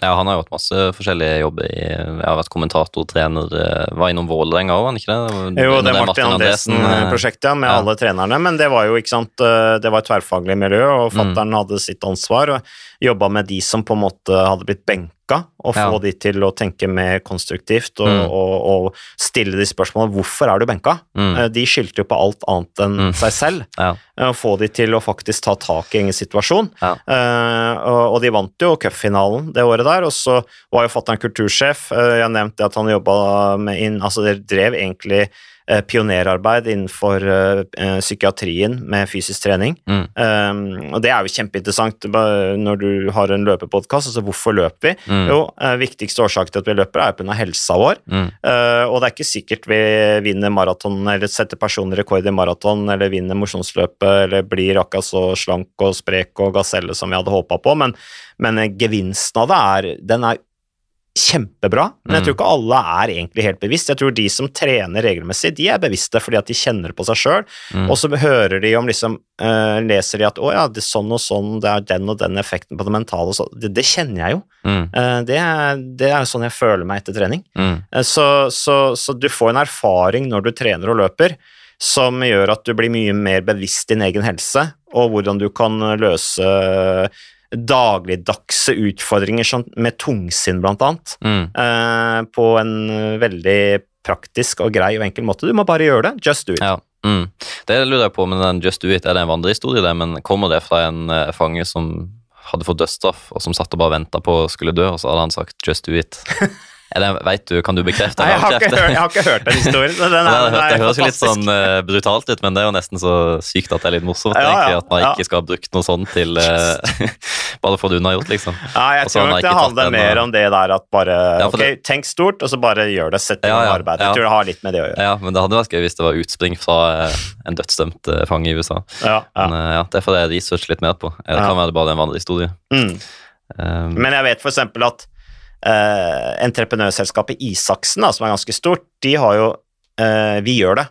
Og mm. det er jo litt sånn variant av, mm. av Nike, og fattern har jo vært konsulent og sittet i styret i Isaksen, så ja. det er ikke helt tilfeldig, da. Nei, nei, nei. um, ja, altså nå er det jo bare to dager til Tour de France, da. Så ja. uh, vi kan jo snakke litt uh, kjapt om det òg. Altså, de som hører på en løpepodkast, de fleste er jo interessert i sykkel, jeg ja. tror det. Mm. Uh, og alle har jo et forhold til Tour de France. Det går liksom å surre i stua i bakgrunnen, uansett om du er en eh, mamma som uh, går rundt i huset. så Man hører liksom det surrer og går. Mm. Uh, ser du fram til årets uh, utgave? Det, jeg elsker Tour de France, så ja. jeg ser fram til Tour de France, og jeg gleder meg til å være der nede. Mm. Um, og så er det jo også et spesielt Tour de France i år, i og med at vi har for første gang i historien et norsk sykkellag med, UnoX. Ja. Eh, så det kommer til å bli rekordmange nordmenn. Bare i Unox så er det seks stykker, og så, får, mm. og så er det sant, Edvald og, og i det hele tatt. Så det, det blir gøy. Uh, uh, det er jo en, en, en, en, reise og en såpeopera, til idrettsarrangement som, mm. som sant, er morsomt å følge med på, ja. og se hvordan fortsettelsen er. Så kommer du i mål i Paris og er egentlig litt sånn tom, for da skal du ut av den bobla. Mm. Um, og det er uh, Jeg vet at veldig mange føler akkurat det samme, um, men, men uh, det blir som vanlig dramatikk, og så er det denne historien som arrangørene prøver å fortelle også gjennom rittet. Starten i Baskeland mm. der, og sykkelinteressen der, og historien der, og uh, Guggenheim i Bilbao, og det er, det det, mm. fantastiske omgivelser. Så ja. kommer de inn i sentral, massivt sentralfjellkjeden, hvor de skal opp Puy de Dôme, som de ikke har vært opp siden 1990 1988 Mm. Du hadde dette legendariske duellen mellom Jack Anquetil og Raymond Polidor opp der. Uh, du hadde Eddie Merck som i sitt liksom, siste Tour de France, når han uh, var på vei ned, fikk dette slaget av en tilskuer mm. hvor han ble pådratt brudd i ribbeina i det slaget fordi at tilskueren syntes Eddie Max var for, eh, for dominerende. Ja. Det var oppvidet om. Så det er den historiefortellinga gjennom løypa da, mm. Eh, som også er veldig fascinerende å, å, å, å følge med på. Så det blir, det blir veldig gøy. Um, det, det, blir, det, det, blir, stort. Ja, det går vel mye tid på uh, research og uh, Det er jo mye historier, men det er, mange, det er jo mange minutter man skal fylle på en sending, så det går vel mye tid på å lese seg litt opp på forskjellige ja, landskap man skal gjennom. Ja, Nå har det vært litt lettere for meg i år i og med at jeg ikke skal kommentere, men, eh, for det skal jo Tor Hushovd gjøre. Ja. Men, eh, men, eh, men, normalt sett, hvis jeg skal kommentere sykkelløp, så liker jeg å stille forberedt. Mm. Uh, I TV 2 så er vi enige om at uh, der skal vi kommentere bildet. Mm. Uh, så når bildet da viser en bru, mm. så, så er det jo kult å kunne si noe om den brua. Ja, det er jo det. Uh, men samtidig, når da bildet går over igjen på Tadje Pogasjar og Jonas Wingård som, som, som, kjemper om den gule trøya, så, så kommenterer man det. Mm. Men, uh, men, uh, men, jeg liker å, å, å ha forberedt hele mm. aspektet ved sykkelsporten, og løypa er Det er det som gjør sykkelsporten så genialt, da. Og du har på en måte en kontrakt, føler jeg, da, med, med, med Altså, rittet har en kontrakt med området det skal ferdes i. Mm. For der stenger de veier, mm. folk kommer ut, skaper engasjement, liv. Mm. Eh, de åpner opp området som en vert for arrangementet, mm. Og da skylder man det faktisk å omtale severdighetene og mm. omgivelsene som rittet omgås i. Mm. Eh, det føler jeg er den kontrakten man har da, ja. med, med, med, området som, som rittet går i. Det er litt det folk sitter i TV-en, ser disse bildene, og hvis da kommentatoren i tillegg formidler hva, hva de passerer, som kanskje mm. uh, er noe som betyr mye for dem, så, så, skapes det stolthet. Og så, er det, og så har vi gjort undersøkelse, altså det er gjort spørreundersøkelser fra TV 2 på hva er det publikum vil ha fra Tour de France. Nummer én det er nordmenn som presterer, mm. selvfølgelig. Mm. Det skaper engasjement automatisk. Og to, det er alt det som har med omgivelsene å gjøre. Kultur, ja. historie, reisetips, blant annet. Ja. Men jeg syns det er fine avbud fra etappen fra selve syklinga. Det hadde vært litt uh, ensformig å kun det, også, det, skjer jo ikke alltid så kjempemye på en rolig, flat etappe hvor man er nesten en transportetappe. Så er det mm. fint mm. å ha litt sånn avbrudd med diverse severdigheter og sånn. Så ja, i hvert fall hvis bildet plutselig viser noe annet. Ja. Uh, men, men det, det snakka jeg med Christian om, og det sa jeg vel på sending i fjor også, at i år, eller i fjor, da, i 2022, mm. så hadde vi egentlig veldig det, det blir mindre og mindre slott og broer og fjell. Ja. Uh, og jeg brukte, jeg satt med masse notater som jeg egentlig ikke fikk brukt, for vi fikk jo ikke se det. Nei, okay. uh, og grunnen til det er jo fordi at det, det var så trøkk på det sportslige. Jo, det var det faktisk, ja. Og da, og da, fordi folk har sagt meg ja, du følger jo ikke opp like mye som faren din på ditt og datt og sånn. Ja, men først må vi jo få bildene. Ja, ja. Eh, og, og, når produsenten ikke viser bildene, så kan vi ikke sitte og snakke om det, for da blir det jo helt fjernt. Ja. Og produsenten tar jo ansvar og er såpass bevisst det sportslige at når produsenten ser at her er det en interessant sportslig, mm. så viser vi det sportslige. Ja. Men det, har det blitt litt mer komprimert? Jeg føler man har fjerna litt av den dødtidssyklinga. Man har komprimert det har blitt litt kortere, ikke det? Litt mer intensivt? Jo, mye ja. mer intenst. Og, ja. det, og det, ikke sant, alle folk spør meg om jeg hadde hoppet til Virkola, Og, og, og, det er mm. klart, jeg kjenner jo på det når jeg skulle ta over til fatter'n, er i 2021. Mm. Uh, I fjor syntes jeg det var mye lettere, men, men liksom folk sier jo det. Ja, men det er jo Før var det sånn og sånn og sånn. Men altså, de sykler sykler jo på en annen måte, akkurat som ja. du sier, Morten. Det, mm. det, er mye mer trøkk, det er mer komprimert, det er kortere etapper. Ja. Uh, det er dristigere sykling. Mm. Uh, hver etappe er som et VM. Du har Wav van Ert i gul trøye som mm. kliner til og sykler solo. Altså, det er ja. sånne ting man ikke, så, ikke har sett på en stund. Og det, er, og det, at det er kortere etapper, det er ikke, det er ikke de herre 20-25 mil lange etappene som det var tidligere. Eh, ja. Det er ikke så kontrollert, og da, da, blir det mer uforutsigbar sykling. Og det er jo da, da må man holde tunga mer rett i mm. munnen når man kommenterer, da. Ja. ja, det skjedde ofte i fjor da, at jeg bare skulle sette meg ned og se litt tidlig av etappen, og så skulle jeg se litt tilbake igjen på slutten, men jeg ble jo sittende, for det plutselig så var det Roglic og eh, Vingegård støte annenhver gang på Pogacar, og ja. Wout van Ert som bare herja. og... Eh, nei, så jeg syns sykkel virkelig er på riktig vei nå. Ja, og det er det Tour de France-arrangørene som har tatt tak i selv. De har sett at her må vi gjøre noe. Dette her er for søvnig. Mm. Um, så, så, men samtidig som jo fattern og, og påske var jo da veldig gode på å si ok, her, er det, her skjer det ingenting, Mm. men hvordan skal vi allikevel gjøre sendinga interessant? Mm. Ja, der har jo TV 2 lykkes. Det er jo derfor, det ser jeg jo bare på Netflix-dokumentar nå, at det er, jo, det er jo nesten norske flagg man ser mest av underveis i etappene. Så og det er, jo, det er jo TV 2 og eh, Christian og Johan og alle rundt Dag Otto og hele alle reportere, det er jo dere som har eh, skyld i det. At den eh, 80% av alle tilskuerne som reiser ut på sykkelløp i Tour of Norway, Arctic Race og ned til Tour de France og sånn, altså det, det, nå overdriver jeg litt, men de ønsker å se Dagotto. Ja, ok, ja. Ja. det, det, det, det er stort. Ja. Eh, Så, så, og det, det blant annet når vi har Arctic Race, da. Eh, Og så leser vi lokalavisen ikke sant, om forventningene til ritt, og de intervjuer folk og liksom Ja, hvorfor skal du se på Arctic Race? Mm. Jo, jeg drømmer om å treffe Dagotto. Det går igjen og igjen. Og Det er igjen. liksom eh, nummer én. Ja. Nei, eh, det er kult. Eh, hvis det, altså, jeg har et spørsmål. Jeg har ikke fått stilt deg så mye spørsmål. Eh, Du er så god til å prate, så det fyker litt av gårde. Det er ikke lett for deg dette her, Morten. Det er ikke det. Nei, jeg syns det flyter av seg sjøl, så eh, jeg prøver ikke å bryte av for mye.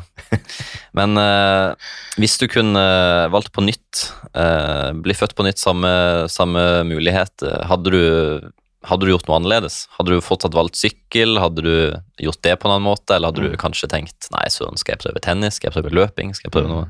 Hva hadde du valgt da, tror du? Hvis du hadde fått et nytt forsøk? For det har jo jeg tenkt på sjøl. Hva hadde jeg gjort? Uff, nei, vanskelig spørsmål. Jeg, jeg tenker aldri at jeg skulle gjort øh, noe øh, annerledes. Øh, Jeg syns sykling har vært veldig gøy, Ja. så jeg er veldig glad jeg valgte sykkel, egentlig. Ja. Um, Men sånn, hvis du bare skal fantasere litt ja, jeg burde deg- nok kanskje vært løper. Ja, det? Fattern har alltid ment at jeg kanskje var et større løpetalent enn sykkeltalent. Ja, langdistanse Eh, ja. Ja. ja. Uh, 5000-10 000, ja. tenker jeg. Ville vært Mm. bra for meg. Kanskje maraton, jeg vet ikke, men 5 og 10 000 tror jeg kunne vært uh, bra. Uh, så Ellers så tror jeg kanskje jeg ville bli DJ. DJ, ja. Mm. DJ Mats. Ja, jeg og liksom reist rundt og vært DJ på de store stedene på Ibiza og sånn. Ja. Jeg er egentlig veldig glad i musikk. Tour de France. Og, Ja, ja. ja, vært, kanskje vært DJ på Tour de France. Ja, DJ Champs-Élysées, Tour de. France. Ja, det hadde vært fett. Ja, Mm. ja kult. Uh, ja, jeg spurte jo av Tour de France, men har du, tror du noe ekstra sjanse til å ta en etappe i år, eller? eh, Mm, ja, jeg tror det. For det er ikke noe kasteball, det laget, syns jeg. Det, det er absolutt et lag som kan bite ifra seg. Ja. Eh, ja.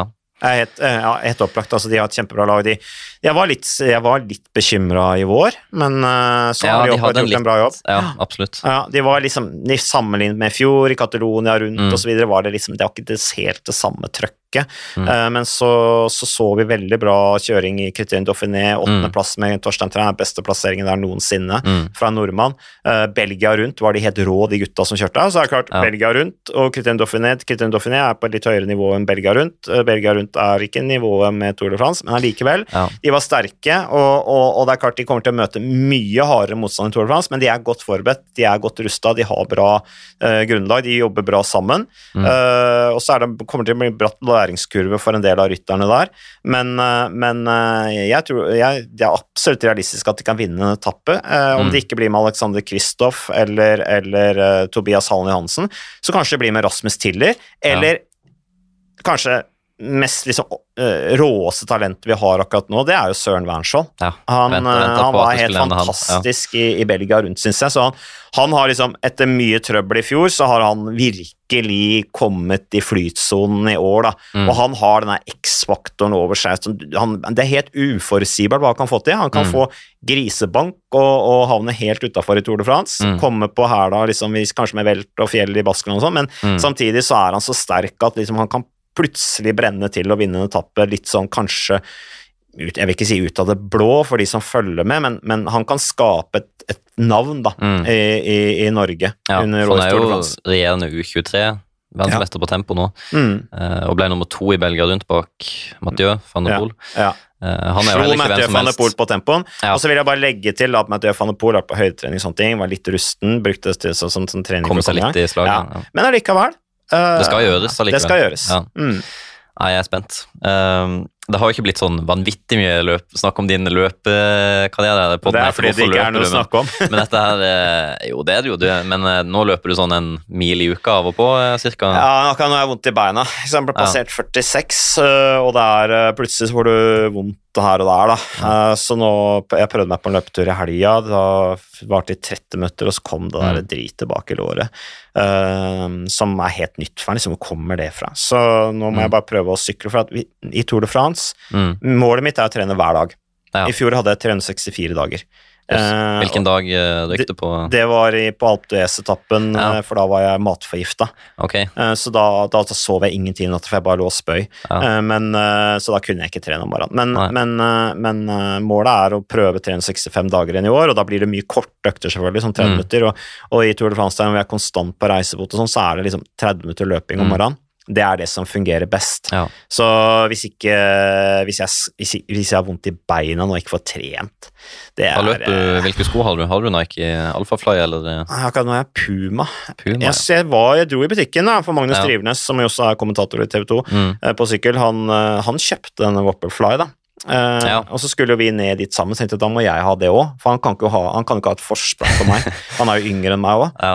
Men uh, løpelabbet ville ikke at jeg skulle kjøpe den, for de mente at det var altfor ambisiøst. Okay. Uh, og, og, de sa også at den varer i så og så mange økter. Og så er jo skoen ødelagt. Løper du på en stein, så er den ødelagt. Så, ja, ja, Den er ikke den beste på litt sånn Den er best på asfalt. Den mm. er jo designa for det. Men, og det Zoom X-skummet det piker vel på 150 km at da blir det litt mindre responsivt. Men jeg har jo brukt de 700-800 km hvis jeg holder de på asfalten og mm. tartandekket. Men det er jo litt med passformen. Kanskje du har litt bred fot? Nike ja. er litt smal i passformen generelt. Ja. ja nå er jeg Puma. Det er jo ikke de, altså. Ja, Puma, har begynt å satse, faktisk. Mm. Ja, på uh, gateløping. De har alltid ja. vært gode på friidrett med Usain Bolt og co., men uh, nå har de virkelig begynt å satse på gata, så de har òg faktisk mye bra.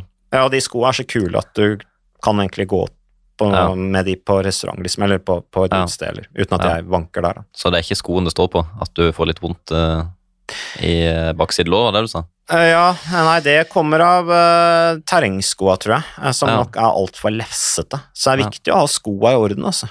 Det, er det. det har litt å si. Det er en god investering. Ja. Mm. Men ja, du har jo på en måte svart litt på det, men vi lurer jo på hvorfor du løper. Har du noe, hva er kanskje hovedgrunnen? Ja, jeg var inne på det i stad. Uh, grunnen er helsa. Uh, ja. Velvære. Uh, gå foran som et godt eksempel. Altså, hvis alle er ute og mosjonerer, fungerer best mulig tross for, enten i går eller løp eller hva mm. det er, så vil samfunnet spare masse, masse milliarder. Vi snakker mm. om kanskje 250 milliarder kroner i året. Mm uh, gjennom den forebyggende gevinsten det har, og ikke folk skal skamme seg for at de blir syke, men, men altså alle, alle, har litt ansvar for egen helse. Mm. Uh, og, og, som vi snakker om mye i podkasten Jernsterk, som du var inne på, hvorfor, hvorfor, velger vi å ikke dra ut og mosjonere når vi vet gevinstene? Det er fordi at vi, vi, er, vi er, programmert sånn. Mm. Uh, vi er programmert til å hvile når vi kan, mm. og spise når vi kan. Derfor så overspiser vi. Mm. Det gjør, det er, sånn er vi programmert, mm. og vi beveger oss så lite som mulig. Mm. Uh, men, men, den der, der må man prøve å overvinne, og jeg er jo kanskje tvangsprega og, og gæren, men jeg tror at det har positivt galskap er bra. Mm. Eh, så, så, og jeg merker bare at jeg blir mye mindre sliten mm. når jeg også trener uh, regelmessig. Mm. Særlig i Tour de France, ikke sant, tre uker der og sånne ting. Jeg kommer hjem er mindre sliten mm. når jeg også tar vare på meg sjøl gjennom regelmessig trening. Og så er det den strukturen i hverdagen mm. som gjør at du, du, du, får gjort mer. da. Ja. Og når du også får lagt inn en treningsøkt, selv om det høres kanskje rart ut, for du kunne brukt den tida på mye annet. Mm. Så jeg man må bare prøve å ufarliggjøre det med å begynne å trene, for da tenker folk eh, blodslit og mm. sone fem og holde på iallfall en time, og at det skal være kjempetungt. Men at bare et kvarter kan vel gjøre ganske mye hver dag. Ja. Det er jo hundre eh, ganger bedre enn null. Jeg vil helst ha en halvtime. Ja, en halvtime. ja. En halvtime Om du går en halvtime, jogger en halvtime, starter der du er, og ja. bare tar det derfra. Mm. Eh, og kanskje ikke kalle, Man trenger ikke å kalle det trening engang hvis det er skummelt, hvis det er et skummelt ord. Mm. Det er jo mange som tenker at trening skal være hardt, ja. Ja. og det er veldig synd. Ja, nei, du skal bare få pulsen som blir litt svett, da. Det er det som skal til. Mm. Så, så, så, jeg eh, det, det, det, føles bra å ha trent litt. Mm. Uh, og særlig i forhold til det mentale og sånn. Jeg kan bli litt tungsindig, og da mm. er det godt å komme seg ut og trene, for da er jeg litt mindre tungsindig ja. når jeg kommer inn igjen. Det kjenner jeg meg veldig igjen i sjøl. Da har jeg mer å gi til omgivelsene rundt meg. Ja. Eh, helt til slutt før vi runder av, så må jeg spørre om, har du noen sånn favorittsnacks eller favorittmiddag? En dessert? eller noe, Er du smågodt? Er du chipsmann? Er du Hva liker du best? Ja, chips uh, syns jeg er godt. Jeg spiser alt. Jeg er glad i en sjokolade til kaffen hver dag. En Ja. liten sjokoladebit. Mm. Kona mi irriterer meg over det. Hun må Ja. spise hele plata. Jeg kan klare meg med den lille biten. Du klarer det, ja? Ja, sammen med kaffen, liksom. Ja. Uh, is nå i juli. Veldig bra. Mm. Ja. Dessert er godt, men samtidig uh, Jeg kan gå i butikken og se å, det ser godt ut, men allikevel, tanken på det er bedre enn å, noen ganger å spise det. ja, ok. Mm, Ja. Så tenker jeg liksom, ja, uh, jeg, jeg må liksom Jeg må ikke ha det. Nei.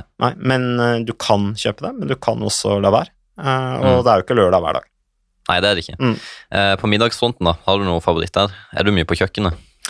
Uh, nei, jeg er ikke mye på kjøkkenet. Jeg, uh, jeg lager salaten. Jeg er veldig god på å lage salat. Ja. Uh, og så er jeg veldig glad i uh, fisk, da. Ja. Laks. Kona Laks. mi lager en veldig god lakserett. Mm. Det er blitt min favoritt nå. Ja, det er nummer én akkurat nå. Ja, den, akkurat den lakseretten til Mm. kona, Ja. den er kjempegod. Med Mm. krem fresh. Ja, det høres godt ut. Ja, det er helt fantastisk. Ja. Eh, jo, du må eh, fly videre. Det er ikke så lenge til eh, du må fly sto du sånn? Nei, du skal til Spania. Ja, Bilbao. Bilbao. Der er Tour de France-start. Baskeland. Le Grand Depart. Ja, Mm, kult. det er kult. Eh, lykke til. Jo, takk skal du ha. Og takk for at du ville komme. Takk, takk. takk. Takk for at du hørte på denne episoden òg. Og nå er sommeren virkelig i gang. Så jeg vil egentlig bare ønske dere alle en eh, kjempe, kjempe, kjempegod sommer. Håper det blir fint vær der du er. Og at du får trent eh, jevnt og godt. Og eh, bare sånn lite tips, selv om ikke du får opprettholdt all treninga som du ønsker, for det skjer mye gøy på sommeren. Det er festivaler, det er båtturer, det er Man finner på mye gøy, og man spiser mye godt, og det skal man unne seg. Og så ikke gi opp om du dropper noen økter, for det er så fort å tenke at åh, nå er ikke alt i vasken. Men det gjør du absolutt ikke. Om du får inn én økt i uka, to istedenfor uh, tre-fire, det, det er jo kjempebra. Da opprettholder du formen. Det er jo kanon. Så ikke stress i sommer. Slapp helt av. Kos deg. Ikke få høye skuldre, og ikke gi opp om eh, du mister en økt eller to. Det gjør ingen verdens ting. Du bygger overskudd, så er du klar til å gi gass igjen når du skal tilbake igjen til gammelt eh, nivå til høsten, kanskje. Så det er bare mitt tips. Nyt god mat, nyt god drikke, kos deg i sommer. Så kommer jo selvfølgelig Hvorfor løper du tilbake igjen om to uker. Så det kommer noen episoder gjennom sommeren der jeg skal holde akkurat samme tempo som jeg holder nå, så slapp helt av. Send inn eh, spørsmål, eh, og kom igjen med tips til gjester. Jeg er veldig på utkikk etter eh, du som har hatt litt eh, motstand kanskje i karrieren, du som sliter med skade, motivasjon, og så er jeg jo litt ekstra på utkikk etter eh, en nybegynner. En som er helt i starten av karrieren, kanskje, som har mye spørsmål. Så kunne vi kanskje sitte her og tatt en liten sånn eh, Q&A. Hadde ikke det vært litt kult? Så jeg er veldig åpen for innspill. Jeg er åpen for alt av forslag. Send det inn til Hvorfor løper du på Instagram. Så snakkes vi igjen om to uker. Ha en fin sommer.